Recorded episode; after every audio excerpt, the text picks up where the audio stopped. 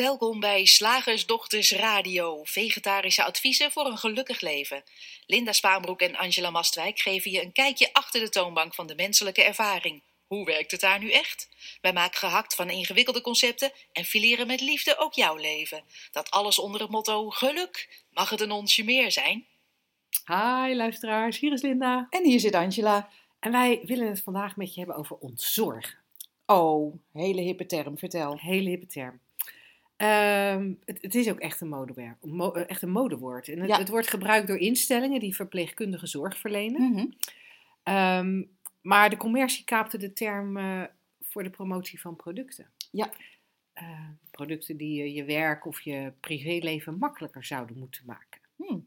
Doen we eigenlijk ook. Ja, oh, wij zijn eigenlijk ook ontzorgers. Ja.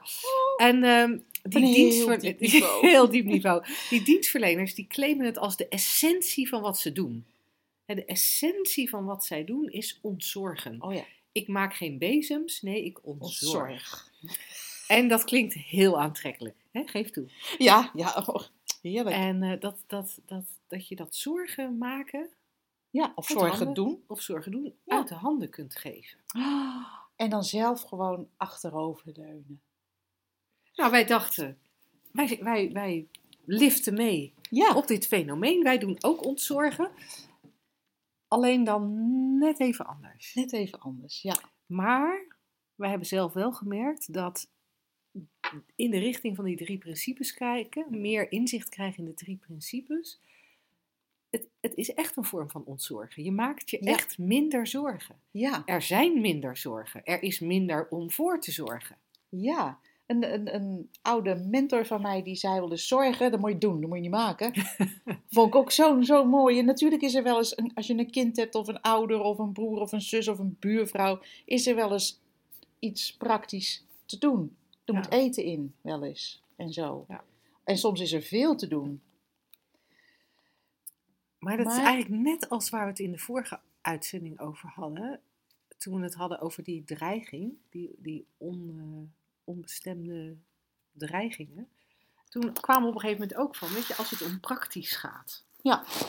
En eh, bij zorgen heb je natuurlijk het praktische zorgen. Ja. Ik, jij bent ziek en ik doe met een washandje jouw lijf schoonmaken. Ik vind het zo lief. Om, om maar even heel praktische zorg. En daar, en in dat praktische willen we, willen we best wel geholpen worden. Hmm. Daar willen we, en, en, en als we het dan hebben over ziekte, dan kan je er nog wat bij voorstellen dat je het echt niet kunt. Hè? Dat je zo Ja. ziek bent dat je echt de hulp van iemand anders nodig hebt. Maar in praktische zin zie ik ook wel steeds dat er steeds meer dingen zijn waar we onze neus voor ophalen. Of wat we een beetje lastig vinden. Of waar we een beetje bang voor zijn. En dan vinden we het heel fijn als die praktische dingen uit handen genomen worden. En je zit nou naar me te lachen, maar wat, wat een van die dingen is waar ik dus echt, waar ik heel blij was dat er boekhouders Ja. bestaan die de, die de belastingaangifte voor je doen. Want wat ik vroeger had, en ik heb geen idee of ik het nu nog zou hebben, nu ik inzicht heb in de drie principes, want ik heb die boekhouder nog steeds. En geen, er is geen natuurlijke beweging naar het ontslaan van die boekhouder.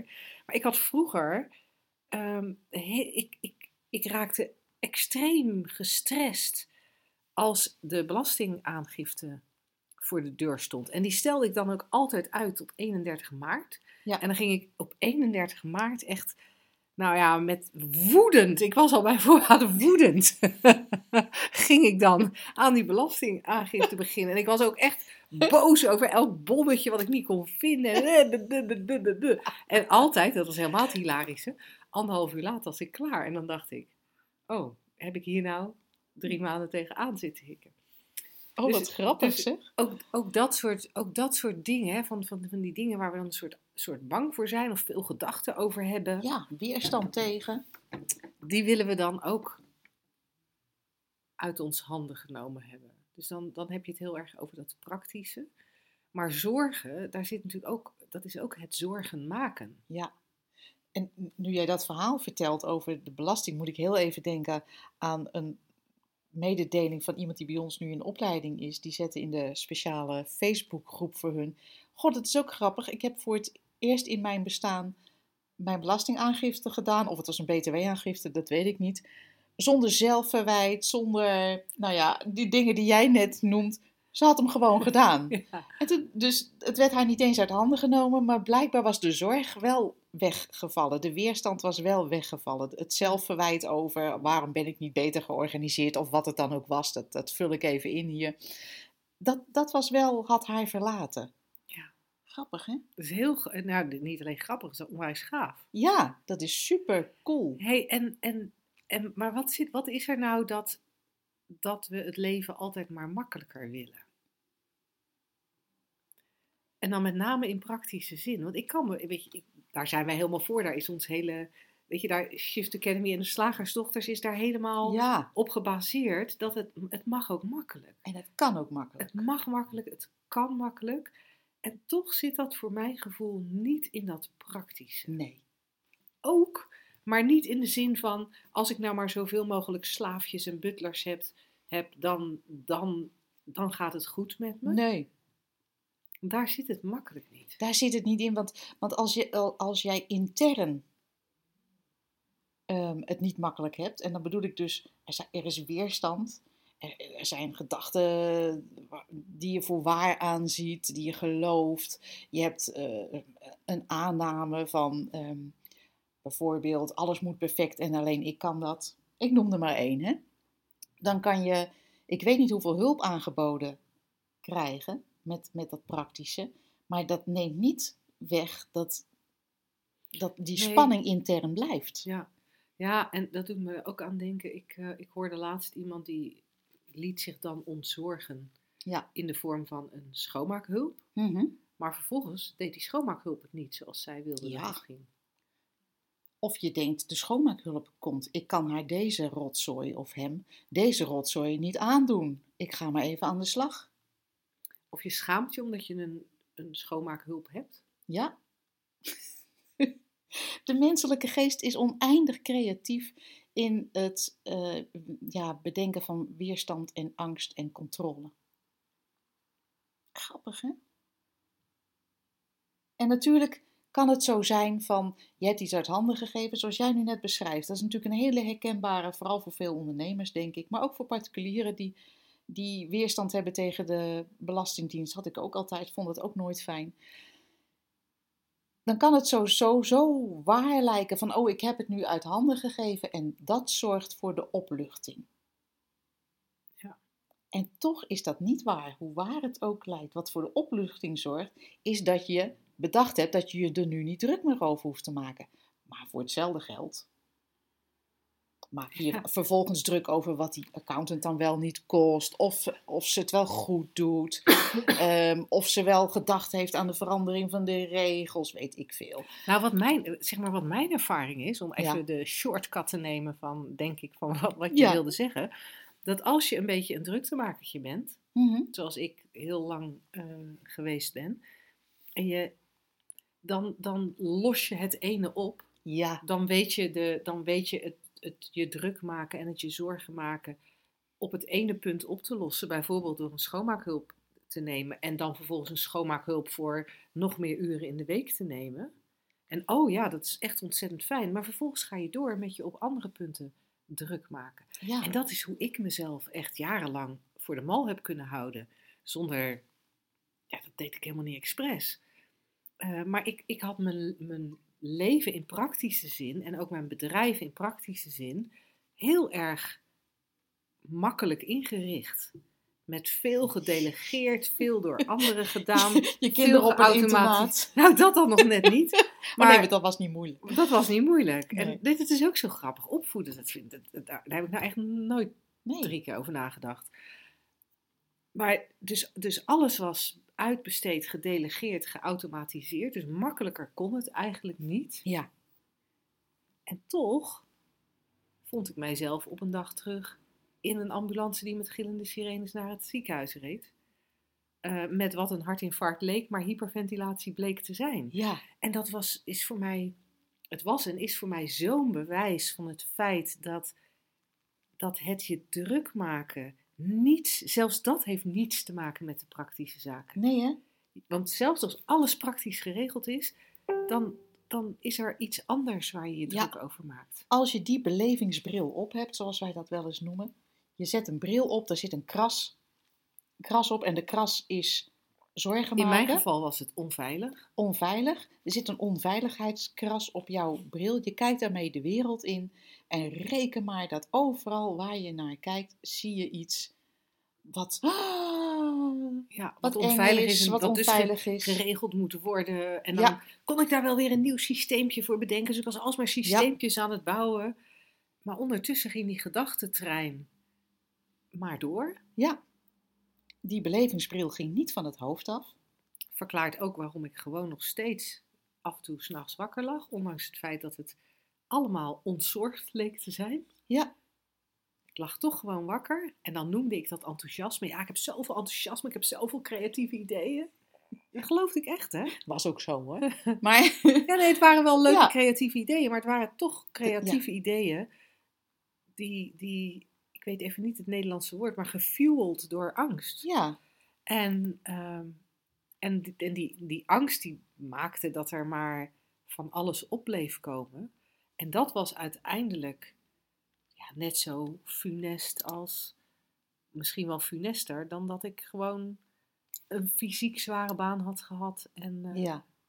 en fysiek hard had moeten werken. Ja, en, en, en daarmee beschrijf je eigenlijk de kern van het misverstand waar we met z'n allen in meer of mindere mate aan lijden. Dat wij denken dat de buitenwereld, dat dat, dat is wat ons dingen, gevoelens bezorgt en de, en de beleving bezorgt. In plaats van dat we zien dat het allemaal intern gegenereerd is. En dat dus ook dingen regelen in de buitenwereld weliswaar gebeurt, zoals jij beschrijft, ik heb nog steeds die accountant, maar dat het nooit zorgt voor, voor, voor diepe ontzorging, voor, in- voor intrinsieke ontzorging. Da- daar heb je echt inzicht voor nodig van hoe dat, hoe dat werkt.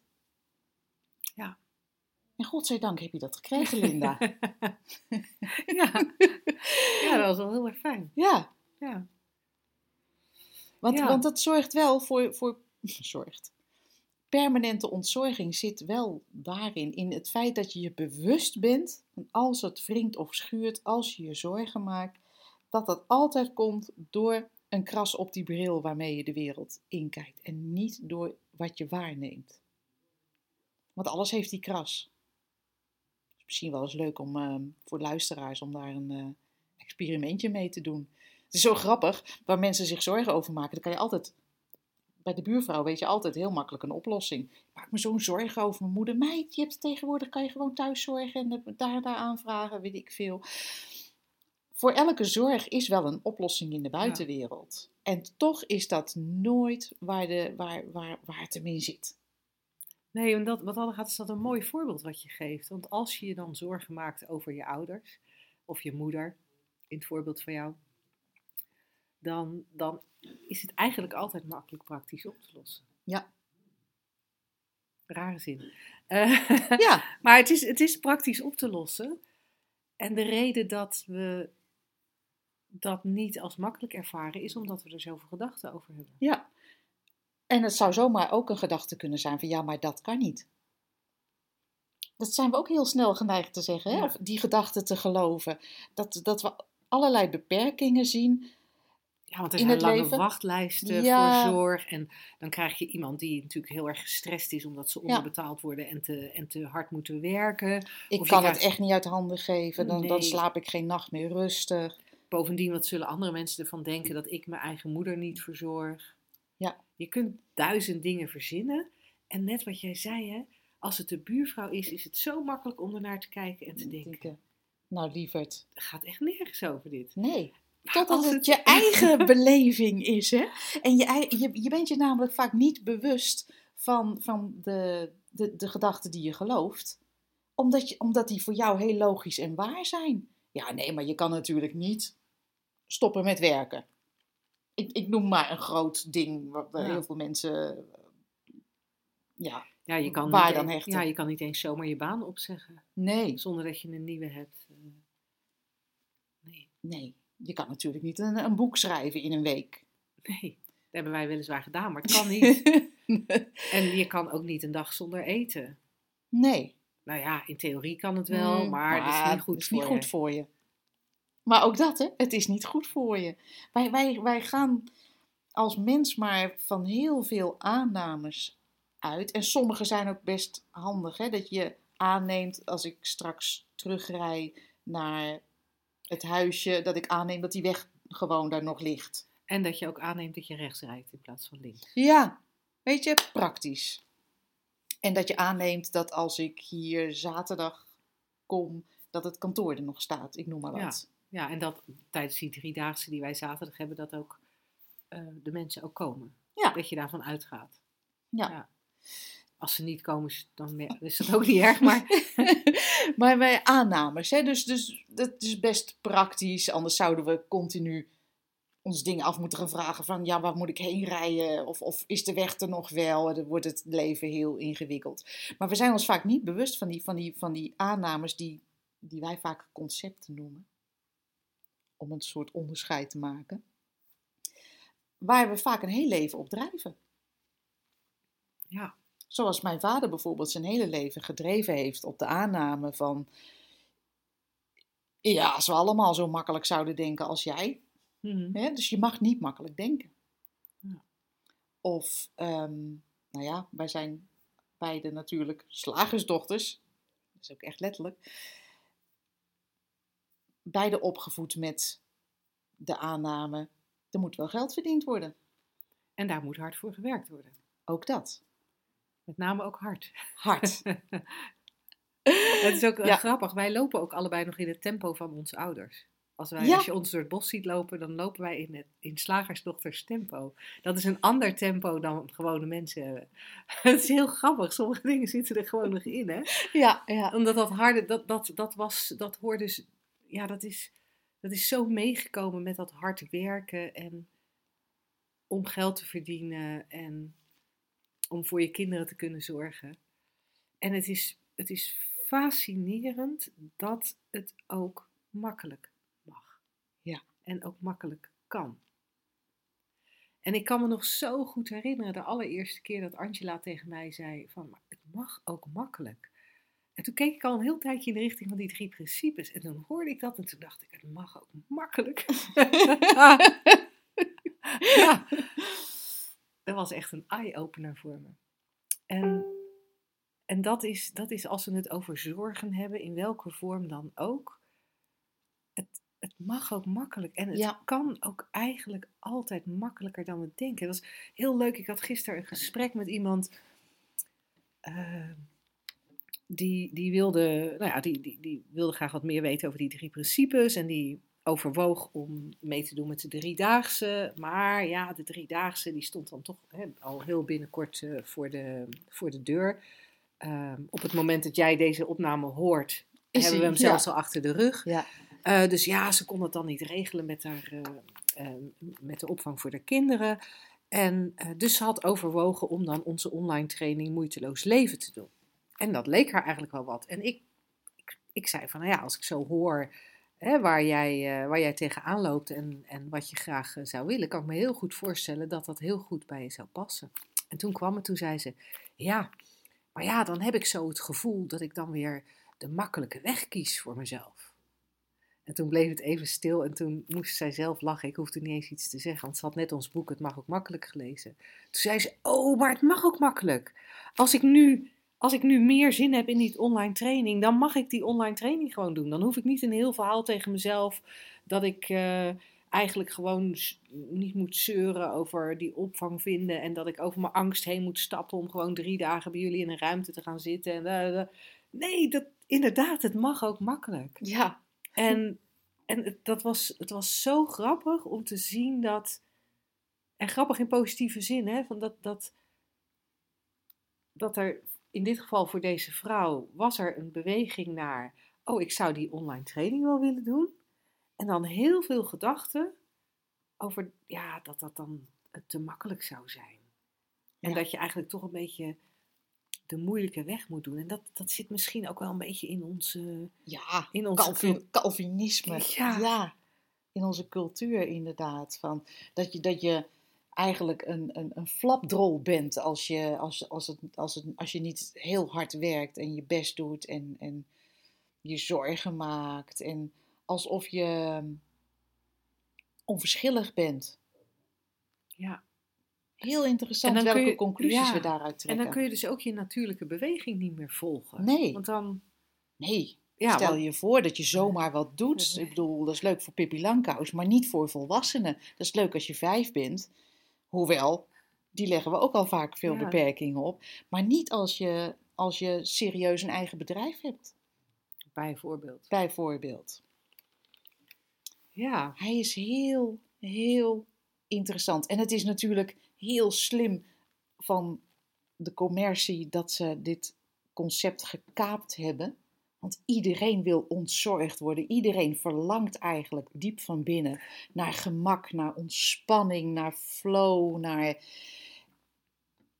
En het mooie is, dat is eigenlijk wie we in essentie al zijn, of wat we in essentie al zijn. We zijn van nature, in, zijn wij flow, zijn wij moeiteloosheid.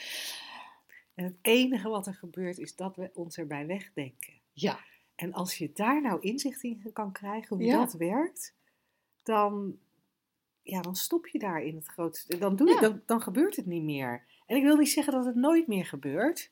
Want tuurlijk, wij zijn ook nog onderhevig aan dat systeem van die drie principes. Alleen toch op de momenten dat, dat je even gelooft in je gedachten, is er altijd in je achterhoofd dat weten. nou.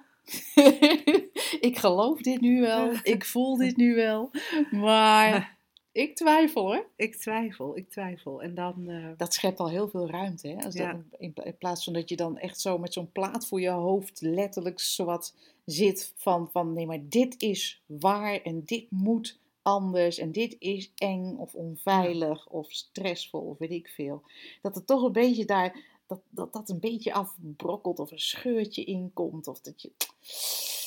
Mooi als dat gebeurt. ja, heel cool. Heel cool. Gaan we over naar de vraag. Zeg, slagersdochters, hoe bak ik die vegaburger? Over naar de luisteraarsvraag. Hi, dit is een vraag van iemand die graag anoniem wil blijven. Hm. En zij heeft haar vraag gestuurd naar vragen.slagersdochters.nl. En daar ontvangen we ook heel graag jouw vragen als je er een hebt om eh, te beantwoorden. Wat natuurlijk ook altijd de mogelijkheid is, en dat vinden wij zelfs een hele fijne mogelijkheid. Als je het leuk vindt om ook echt met ons te kunnen praten over je vragen, eh, dan zou ik je in overweging willen geven om lid te worden van de Makkelijk Leven Community. Die vind je op slagersdochters.nl, gewoon gelijk plabam op de homepage. Die gaat over de Makkelijk Leven Community, waar we, eh, ja, waar we ook echt twee keer in de maand met elkaar in gesprek gaan over alles wat je bezighoudt op het gebied van die drie principes of gewoon dingen in je leven waar, waar, waar je even niet van weet eh, wat je ermee zal doen. Ehm, deze vraagstelster heeft de volgende vraag. Ik ga hem even voorlezen. Met veel plezier heb ik jullie podcast redelijk recent ontdekt en begint het inzicht soms op te duiken. Nou merk ik dat ik een dubbel gevoel heb over mijn wens om eindelijk fotoalbums te maken van twee prachtige reizen die ik een aantal jaren geleden heb gemaakt. Ergens wil ik heel graag weer stilstaan en dankbaar zijn voor de mooie momenten die ik daar heb gehad. Daarom wil ik iets moois maken waardoor ik en een vriendin die mee was het weer kunnen herbeleven. Tegelijkertijd voel ik weerstand tegen een album maken en kan ik me er steeds maar niet toe zetten omdat ik het dagelijks leven voor, laat voorgaan. Ik heb er veel gedachten over, bijvo- bijvoorbeeld waarom tijd besteden aan iets wat, wat was in het verleden. Al weet ik nu ook dat de herinneringen en het gevoel die ontstaan door de foto's natuurlijk alsnog in het nu gebeuren. Maar dat kan uiteraard ook gewoon door er bijvoorbeeld over te praten. Tevens denk ik, hoe vaak kijk ik nou uiteindelijk in dat fotoalbum? Of maak ik het juist zodat anderen erin kunnen kijken en ik het daardoor weer kan herbeleven? Hoe zouden jullie fotoalbums in het licht van de 3 P's zetten? En hebben jullie tips voor het uitstellen? Nou, hij is echt grappig. Ja, er zit heel veel denken in. Hè? Ik denk dit en ik denk dat. Wat ik ook heel mooi vind, is in die, die, die tweede zin direct een dubbel gevoel. Dat zijn we ook zo gewend te zeggen. Ik heb hier een dubbel gevoel over. Nou ja, het enige wat het dan is, is dat je twee, twee, twee gedachten hebt die elkaar tegenspreken. Ja. En dan doen we heel moeilijk over, ja, dubbel gevoel. Het zijn twee willekeurige gedachten die allebei iets anders zeggen. En bij, Nou, en? en, bij deze vraagstelsen zijn ze ook helder. Hè? Ja. De ene gedachte is leuke fotoalbum. Of een fotoalbum is nuttig. Ik weet niet exact de gedachte. En de andere is, nou, een fotoalbum, Nutteloos. ja. Dus eigenlijk ja en nee, in één hoofd. En dat noemen we dan een dubbel gevoel. Maar zoals je al zei, het zijn eigenlijk twee tegenstrijdige gedachten. En het interessante is dat dit allebei gedachten zijn. Allebei, ja, in feite illusie. Ze Mhm. voelen voor ons wel echt, maar ze zijn in feite illusie. Het enige wat er is, wat we kunnen observeren, is dat er blijkbaar van alles gedaan wordt, behalve fotoalbums maken. Maar dat is toch grappig? Er is dus geen dubbel gevoel. Er is het dagelijks leven en er is denken over fotoalbums. Dat is leuk. Er- ja, er is denken over fotoalbums. En, en daarmee zeg je eigenlijk, Linda, heb je gewoon het hele spectrum gecoverd. Er is gewoon staan, zitten, liggen, lopen. Voortbewegen op een andere manier. En het denken daarbij. Ja, Zo cool. En dat kan alle kanten op. Wij zitten hier allebei op een stoel. En natuurlijk zijn wij nu bezig met, met kletsen, dus er komen woorden. Maar wij hebben wel een- allebei nog een, bijzonder creatief brein dat tegelijkertijd iets anders kan denken. Ja. Daar, daar zijn wij heel goed in getraind. Jarenlang veel profijt gehad van dat brein. Dus dat wil nog wel eens eh, eh, net zo actief zijn als vroeger. Ja, maar ik ben toch heel belangrijk. Dus wij zitten hier een radioshow te maken en we hebben de mogelijkheid om terug te denken aan gisteren en aan eh, hoe lang doen we deze radioshow nou eigenlijk. En wat leuk dat we zoveel luisteraars hebben. hè. maar wat zullen ze ervan denken? denken? Ja, goh. En, en de mensen die ik vroeger kende, die dan nu luisteren, die zullen ook wel denken, nou die is ook veranderd. Nou, maar vroeger eh, was ze wel, eh, wa- vond ze dit heel, eh, vond ze hier iets heel anders van hoor. Of, of, of misschien vinden ze het juist wel leuk en misschien willen ze ook niets meer met me te maken hebben. Maar hoe lang zullen we dit nog volhouden? Het is toch wel een dingetje hoor, elke week. Hou maar, hou maar, hou maar. Maar dit is wel een prachtig, een prachtig voorbeeld van wat er in ons hoofd gebeurt. Hè? En, en dat gaat over dingen die we belangrijk noemen en be- dingen die we onbelangrijk noemen. Want van een fotoalbum kunnen we allemaal wel zien dat het niet echt van levensbelang is. Eh, maar, we doen, maar, maar het werkt op precies de- dezelfde manier. Dat systeem werkt altijd maar op één manier. Zelfs bij dingen die wij aanmerken als van levensbelang.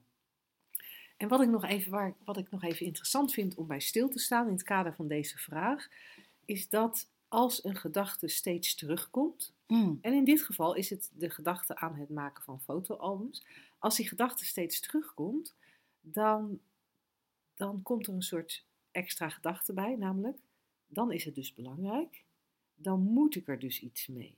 Mm. Oh, als ik steeds denk over fotoalbums, dan moet er een definitief besluit over vallen. oh ja. Als ik steeds nadenk over op vakantie gaan, dan moet er dus ook een vakantie geboekt worden. En als die vakantie niet geboekt wordt, maar het denken aan vakantie is er nog wel, dan gaan we zeggen dat we aan het uitstellen zijn, of aan het vertragen, of dat we bang zijn. ja. Dan gaan we conclusies, dan gaan we conclusies verbinden. En dat is een fascinerend fenomeen. Want blijkbaar, als een gedachte steeds terugkomt, vinden we dat, die, dat we er iets mee moeten. Ja, die, die is heel grappig dat je dat zegt. Ja.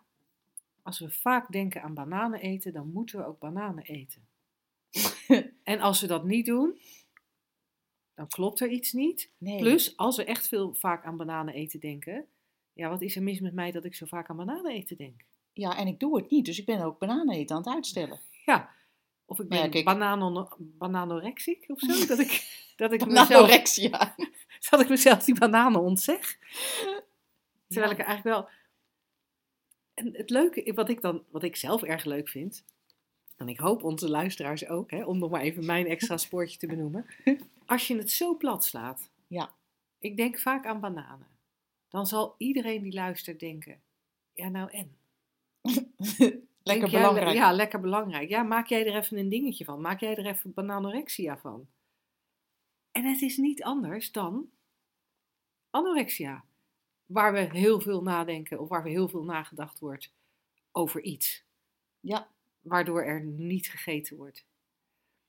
En dus of het nou iets is wat we als groot labelen of als klein labelen, het systeem werkt altijd hetzelfde. En om de een of andere onduidelijke reden vinden we dat we bepaalde dingen wel mogen denken en andere niet. ja. En dat we ook heel veel gedachten moeten hebben. Een soort secundair spoor, zoals jij dat noemt inderdaad, over wat er wel of niet gedaan wordt. Ja, want ja, als ik dan aan het uitstellen ben. Ja. Hè, want de vraagstelster vraagt specifiek: hebben jullie tips voor uitstellen? Nou, eigenlijk niet. Nee, wij doen sowieso niet aan tips. Even los van het feit dat wij niet aan tips doen. Maar stel nou dat we even van ons Geloof geloof zouden vallen en ineens wel een tip zouden doen. Dan zou ik toch geen tip over uitstellen doen. Omdat in mijn ogen uitstellen niet bestaat. Ik. Er is doen of niet doen. er is doen of niet doen. En we hebben op onze website een online training implementeren uit in Flow. Oh ja. En die, die is eigenlijk specifiek voor, eh, voor ondernemers. Omdat ondernemers hoor je vaak over, ja, maar ik stel dit uit. Ik zou eigenlijk meer in actie moeten komen. Ik zou eigenlijk meer moeten implementeren. En in die online training, ehm, die nog dateert uit de, uit de tijd van voordat wij samenwerkten. Dus je ziet alleen mij op de filmpjes loop ik zo met je langs een aantal van die aspecten waar ja, die licht schijnen op dat uitstellen en die licht schijnen op wel in actie komen. En als ik even de hele korte samenvatting doe, er is, er is wat er is. En wat, wat wij merken, dat als we er niet over nadenken, gewoon, we besteden er gewoon geen gedachten over dan gebeurt iets of het gebeurt niet. Ja. En wat mij nog steeds fascineert, omdat ik, ik, ik, ik ben daar soms wel eens een beetje alert op. Ik weet niet of je dat al in de gaten had, maar ik ben soms wel eens een beetje alert op dat ik denk, ja. Nou, ik me dus al die jaren zo druk gemaakt over dat ondernemen en zo mijn best gedaan om het allemaal onder controle te houden. Nu doe ik dat niet meer. En, en nou komt er een idee in me op maar ik ga het idee helemaal niet doen. Of ik zeg tegen jou, oh ja, nee, dat regel ik. En dan regel ik het helemaal niet. In ieder geval niet acuut. En dan vind ik het fascinerend om naar te kijken. Want elke keer weer opnieuw is er wel beweging. Ja. Of jij gaat ineens iets doen. Of ik ga zelf iets doen. En soms is dat iets wat ik van tevoren had bedacht en waarvan ik had aangekondigd dat ik het ging doen. Soms ga ik iets totaal anders doen. Er is steeds beweging. Zou je kunnen zeggen dat wij er niet zoveel verantwoordelijkheid meer voor nemen? Ja, het is een hele leuke. Ja. Dat wij merken dat dingen gewoon gedaan worden. En natuurlijk zijn daar deze breinen, ik wijs nu op Linda en mijn hoofd, bij betrokken. En deze handen en, Ja. en deze fysieke aardepakjes. Maar er is niet meer zo Nee. sterk de neiging om verantwoordelijkheid daarvoor te nemen. Van, oh, ik ja. ga Nou, hier nu. en dat is heel cool dat je dat zegt, want dat is inderdaad, dat is inderdaad eh, eh, zo, zoals, het, zoals ik het ervaar. Dat, ja, ik, ik zie wel Ja, ik zie wel wat er gebeurt. En dan zie ik mezelf de mail openen. Of ik zie, en dat zie ik mezelf eigenlijk elke dag doen. ja. En soms zie ik mezelf dat ook op zaterdag doen. En dan krijg ik verbaasde mailtjes van klanten die zeggen: Wat? Op Werk zaterdag? jij op zaterdag? Eh, ja, ja, nou ja, ik, ik had ineens de mail geopend. En, en het, het leuke is als je die verantwoordelijkheid niet meer ervaart, dat je er ook bijna achterover kan gaan zitten. Ja. En dan een soort van, dat- ik bijna naar, naar onszelf kan kijken van, gaan ze het doen of gaan ze het niet doen? Ja, wa- ja, ik ben heel benieuwd. Ik ben echt heel Echt benieuwd, benieuwd. of ze het gaan doen. En ook dat, de- dat, dat de scheidslijnen ver- vervagen van werk en vrije tijd en wat hierbij hoort en wat daarbij hoort. Je merkt het wel wat er zich, eh, wat er zich afspeelt. Misschien eh, moet de vragenstelster even die, die online training van jou eh, volgen. En dan in plaats van implementeren, fotoboek plakken. In flow. In, ja, fotoboek plakken in Flow. Ehm, Ja, ik, ik denk eigenlijk dat we Margreet's hele... Oh, sorry, dat was de vraag Stel gesteld van iemand anders. Deze is anoniem. ja, Ehm Margreet was van vorige week. Maar eigenlijk, eigenlijk denk ik dat we deze vraagstelster al lang van haar fotoboekprobleem hebben afgehaald. Ik, hoop denk dat ze inmiddels weet dat het geen probleem is. En zo niet, gewoon nog een keertje mailen. Ja. Met een vervolgvraag. Vinden we leuk? Gaan we daar weer mee aan de slag? Woensdag, gehaktdag. Zeg slagersdochters, welk concept gaat er vandaag door de molen? Je moet er eerst overheen komen. Ja, voordat dat, je verder kan met je leven. ja, dat vind ik ook. Adem in. En, en nu ga je net zo lang wachten tot je er overheen bent. Ik weet niet, niet wat het is waar je overheen moet komen. En, ehm, en welke tijd daarvoor staat. Hè. Je hebt natuurlijk allerlei verschillende eh, processen. Je hebt een rouwproces, dat is nou ja, afhankelijk van de relatie tot degene met wie je overleden is, duurt dat een bepaalde tijd. Ehm, maar je hebt ook andere soorten rouwprocessen van verbroken Nou, laten we een scheiding doen. Dus er, is, er is een scheiding. Ja, En dan moet ik eerst over mijn scheiding heen komen. ja, dan wil ik toch wel graag, voordat ik verder kan met mijn leven. ja, wil ik toch even graag van je weten, waar heb je die scheiding neergelegd? Hoe hoog is die? Ehm, en heb je een, een polstok ervoor nodig? Of een hoge trap. ja. Ja, ja hij, het, het- hij is interessant, hè? ja, want we zeggen het zo makkelijk, dit soort dingen Ja, en, en, tegen en, elkaar. en, en dan ook wat ik dan expres er nog aan toevoegen voordat je verder kan met je leven. Dat Ja. vind ik ook zo mooi. Want dan is er die scheiding. En nou, wij hebben allebei eh, een huwelijk gehad dat eh, verbroken is. Dus wij hebben een scheiding meegemaakt. Ooit. En, en dan is er een concept over wat er allemaal moet gebeuren. Wat dan blijkbaar geen leven is. Dat moet dan eerst gebeuren. En als dat afgerond is, Dan, dan kunnen wij verder met ons leven. wauw, Alsof dat huilen om die scheiding, het ruzie maken om. eh, ik geloof dat wij dat allebei toevallig niet gedaan hebben. Eh, maar dat hoor je nog wel eens van het ruzie maken om de boedelverdeling. Alsof dat geen leven is. Alsof Ja. het schrijven van het ouderschapsplan geen, geen leven, is. Alsof het ja, eigenlijk geen zin hebben in een nieuwe relatie, omdat je eigenlijk best nog verdrietig bent over de voorbije relatie. Alsof dat geen leven is. Grappig, hè? Want volgens mij is dat, dat altijd de boodschap van je moet er eerst overheen komen. Door dat woordje eerst. Hè? Je moet Ja, er eerst, eerst overheen en en dan, dan- kan er iets anders. Ja, we gaan voorwaarden stellen aan het leven alsof leven niet gewoon in elk moment is. Je, je, je, je moet eerst over die mandarijn heen komen die je net gegeten hebt, voordat je een appel mag eten. Ik de laatste tijd denk ik bij dit soort concepten ook heel erg in, in grapjes van dat, ik het voor me zie hoe dat dan is. Daarom noemde ik dan ook, hè, je moet je erbij neerleggen. Oké, dekentje, kussentje. Ik leg me erbij neer. Maar waar leg je je dan bij neer? Je moet er overheen komen. Waar, Waar moet je, dan, hoe, hoe hoog is het? Hoe diep is het? Hoe breed is Moet het? je, moet, je uit dat, moet je over dat huis heen waar dat gezin ooit in woonde en nu niet Ja. meer? Ja, met een, met een luchtballon. Of, of klauteren met Ja. haken. En, en daar, als je het natuurlijk zo praktisch maakt, dan zie je ook, dan zie je ook gelijk dat er is niet iets. Er is niet, er- wat er is, zijn heel veel gedachten. Ja. En gedachten worden nou eenmaal geanimeerd door het bewustzijn. Dus die gedachten die worden gevoeld, die worden Ja, beleefd, die ja. worden ervaren. Zo'n heel verhaal speelt zich af in een aardepakje met alles erop en aan, toeters, bellen, snot. Weet ik veel. Huilen, krijsen, wanhoop, angst. Woede. Alles. Alles. Het idee dat het nooit meer anders wordt dan dit. Alles, alles, alles wordt gecreëerd door die drie principes. Komt tot leven, ja, doordat je leeft en je gedachten beleeft. Ja. En wat er ook beleefd wordt, het is geen probleem. Het is gewoon leven. Het is gewoon leven. Alleen, wij zijn in verzet. Ja. Want dit huwelijk was voor altijd. Ja. En nu blijkt het niet voor altijd. En dat willen we eigenlijk niet. Nee. Zelfs Nee. als we degene zijn die kiezen om het huwelijk te verbreken, dan nog Schuldgevoel. heb Had ik er, het- twijfel heb ik er wel goed aan gedaan.